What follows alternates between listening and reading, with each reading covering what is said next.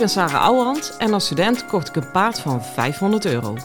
Toen hij 22 was, startte ik hem Grand Prix. Hij had nog nooit aan de teugel gelopen, dus het ging allemaal niet vanzelf. Het enige wat ik zeker wist was: never quit. Ik verslond alles wat ik kon vinden over de biomechanica van ruiter en paard. Dat testte ik net zo lang totdat ik wist wat echt werkte. In deze podcast leer ik jou alles over je rijtechniek, je houding en zit en je mindset. Want ook jij kan naar de Grand Prix gaan, zelfs als je geen miljoenenpaard hebt.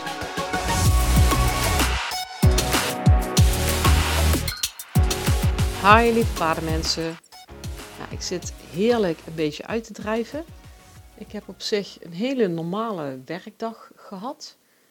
Behalve dan dat uh, de artikelen over mijn uh, Grand Prix wedstrijd met 64,5% vandaag allemaal online zijn gegaan.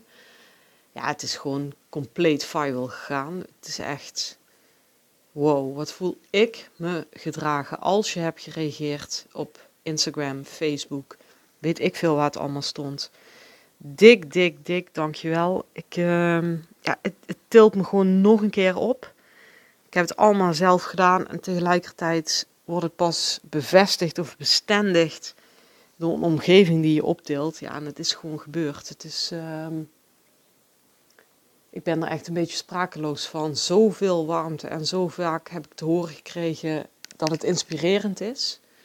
En, uh, ik vind het altijd best een lastig woord, want tegenwoordig moet, moet je allemaal maar inspirerend zijn en vooral inspirerend bezig zijn. Ja, weet je, of ik inspirerend ben met wat ik doe, dat is gewoon helemaal niet aan mij. De enige aan wie dat is, is aan de ontvanger. Die kan zeggen of het bij hem of haar iets doet in de goede zin des woords. en dat heet dan inspireren.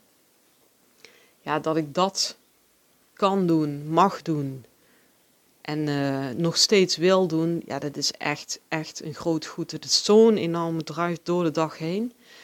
Dus echt iedereen ontzettend bedankt. Ik hoop ook oprecht dat je er veel aan hebt. Uh, al is het maar de gedachte dat er zo ontzettend veel meer mogelijk is dan dat wij met z'n allen vaak kunnen bedenken. En het is ook echt niet zo dat ik iedere dag heb rondgelopen in de zekerheid dat ik de Grand Prix zou pakken. Nou, ik moet wel zeggen, de laatste twee weken van tevoren wel. Maar dat was ook, zoals een vriendin van me dat gisteren tegen me zei, gewoon de hyperfocus. Nou, ik kan je vertellen van zo'n hyperfocus, daar moet je ook niet te lang in zitten. Want ik dacht, uh, oh, als die wedstrijd voorbij is, dan is het lekker uh, allemaal voorbij. Maar ik had echt het gevoel dat ik onder een trein was gekomen. Niet normaal, man. Dus ik heb dat ook uh, lekker een week zo laten duren. En gewoon helemaal niks op de socials gezet. Dat doe ik altijd bewust. Want ja, weet je, dat vraagt ook weer wat.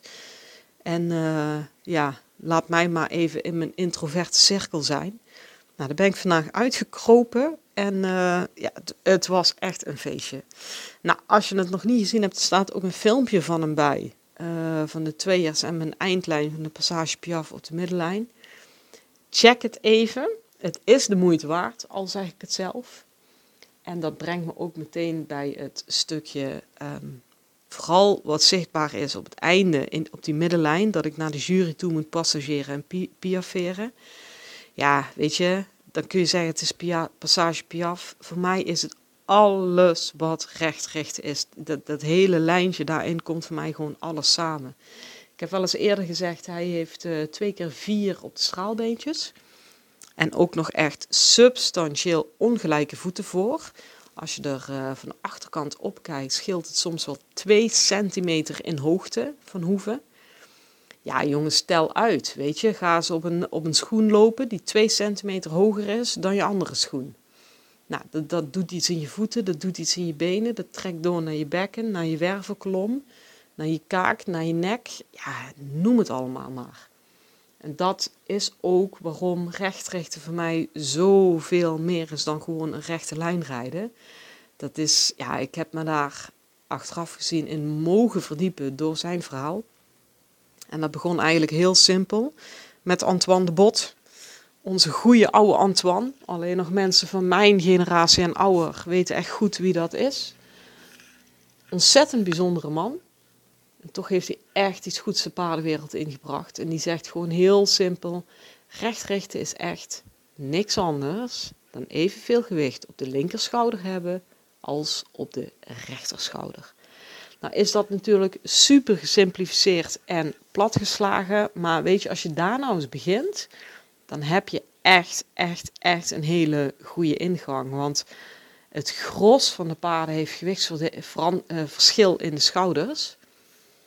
En dat is wat ik al zo vaak zeg. Ja, dat is B, L, M. Dan kom je daar allemaal nog mee weg of daar fiets je daar omheen. En eigenlijk hoe hoger je komt, ja, hoe, hoe, hoe duidelijker het wordt als je ook maar 5% verschil hebt in die gewichtsverdeling. Want hoe on earth ga je een strak appiëment rijden als je op één schouder hangt? Dat lukt je gewoon niet. Nou, dus ja, daar heb ik me echt enorm in verdiept. Ik heb me ook uh, hard gemaakt voor wat er in jouw bekken gebeurt tijdens het rechtrichten. En dat is eigenlijk wel een hele interessante, want ik doe eigenlijk het rechtrichten via een totaal andere kant in je bekken als dat je zou verwachten.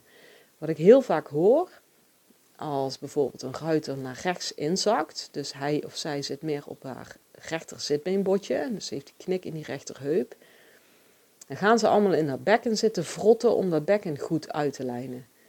Maar weet je, zolang jij op een romp zit die niet helemaal goed verdeeld is, valt er in jouw bekken niks uit te lijnen. Dus ik doe dat eigenlijk altijd helemaal samen pakken, die paard en ruiter. En dan zeg ik altijd, nou weet je, als je die romp van je paard hebt, stel je voor dat is een tandpastatube en daar zit jij overheen met je twee benen. Die vulling van die tandpastatube, die kan je kneden, die kan je plaatsen. Nou, een paard dat niet helemaal recht is, dat betekent eigenlijk niks anders dan dat die vulling van die tandpastatube meer aan één kant zit dan aan een andere kant. Nou, tel uit wat dat met je bekken en je eigen houding er bovenop zit. Dus als jij nou scheef zit, natuurlijk moet je wel uh, af en toe een aanpassing in je bekken doen of daar gewoon ja, je eigen bekken goed kunnen besturen. Maar wat nog veel belangrijker is, is dat de vulling onder je rechterbil van die tandpastatube, die middenhand, evenveel opgevuld is als onder je rechterbil. En als dat niet aan de hand is, dan heb je een klein probleempje. En dat kun je eindeloos uitspannen. Echt eindeloos. En als je denkt dat je er bent, dan ben je er nog niet. Want zoals ik, uh, wanneer is dat die overstap? Ja, van de lichte toer naar de zware toer. Dan moet je opeens ener springen.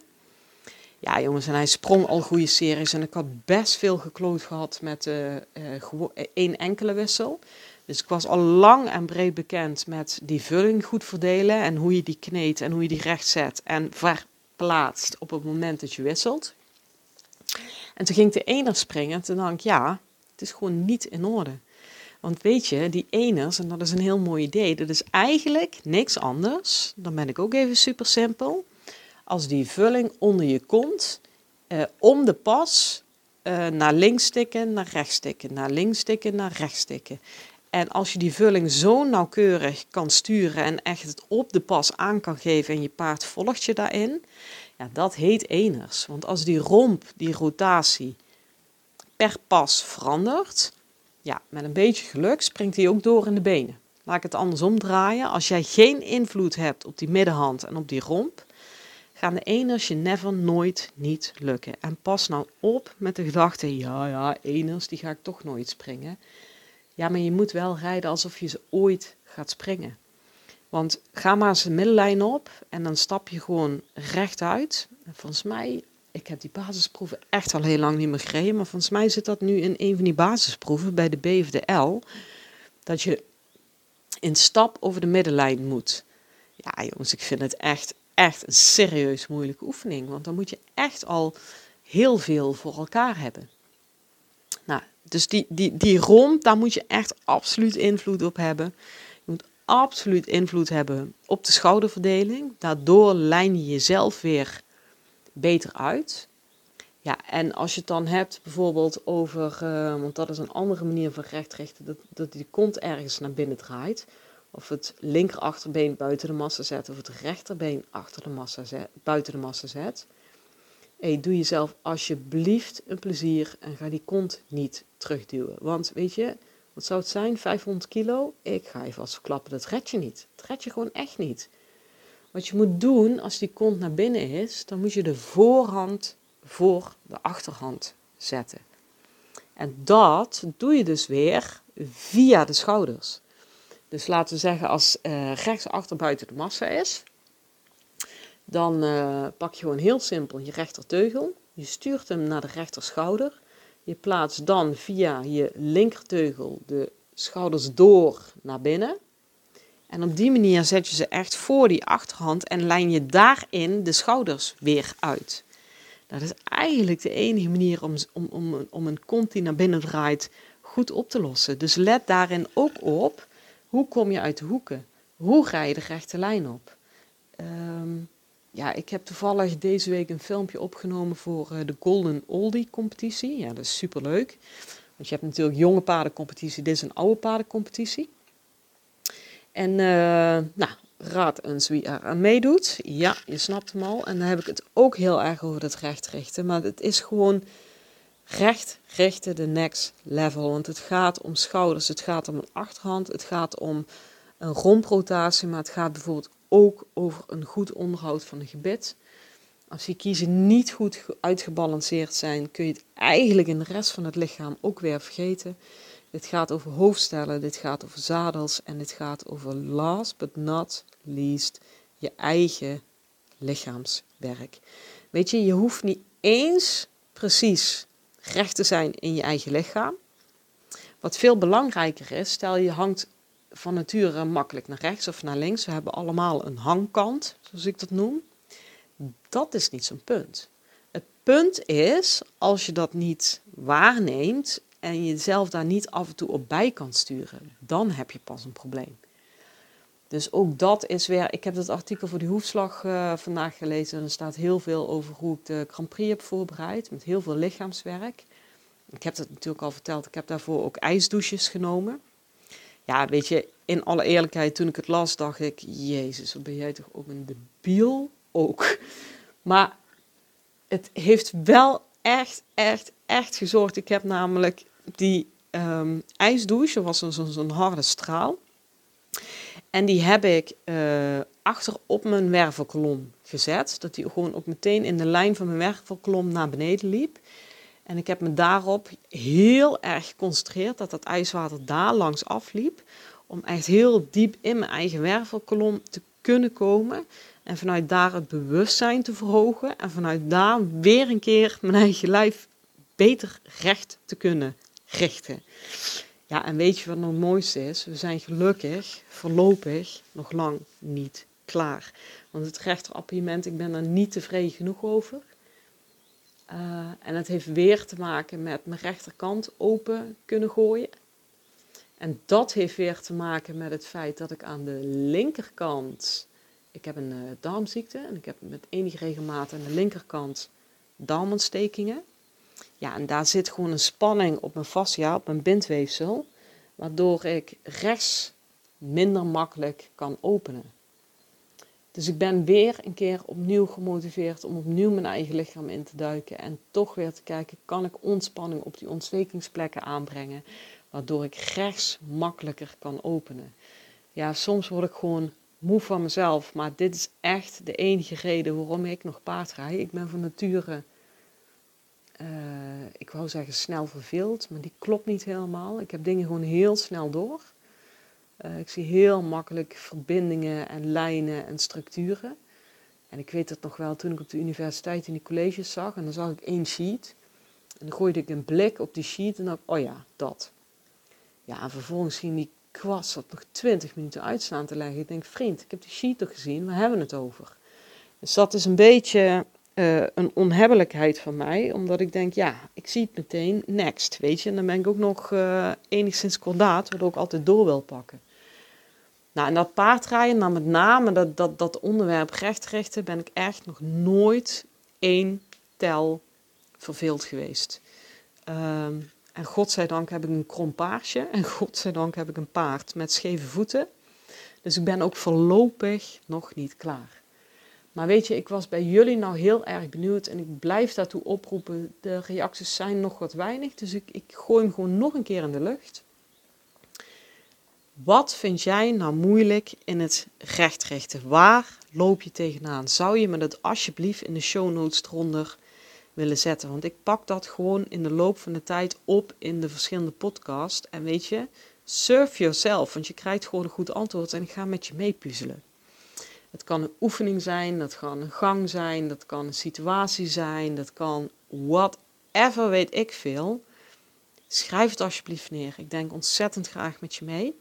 En speaking of it, ik verzin het ter plekke, maar dat ga ik wel doen. Ik ga gewoon een keer een workshop opzetten, rechtrichten, maar dan zonder paard. Dat je echt heel goed in de gaten gaat krijgen. Ja, weet je, wat is daar nou allemaal voor nodig? Maar voor nu heb ik jullie even nodig. Jongens, laat het me weten. Daar wordt deze podcast alleen maar beter van. Ik zet bijna alle reacties door. Ik had laatst eentje, die heb ik niet doorgezet. Maar dat was, ja, hoe zal ik het zeggen? Gezeik over een ander. Dus dat gaan we niet doen. Maar als je vragen hebt over jezelf, be my guest. En dan wens ik jullie voor nu een hele fijne dag en veel plezier met je paard. Hoi! Lieve ruiters, dit was hem weer voor vandaag. Waardeer je mijn tips? Geef me sterren op Spotify en iTunes. Dat voelt voor mij als een dankjewel. En geef je paard een knuffel van me.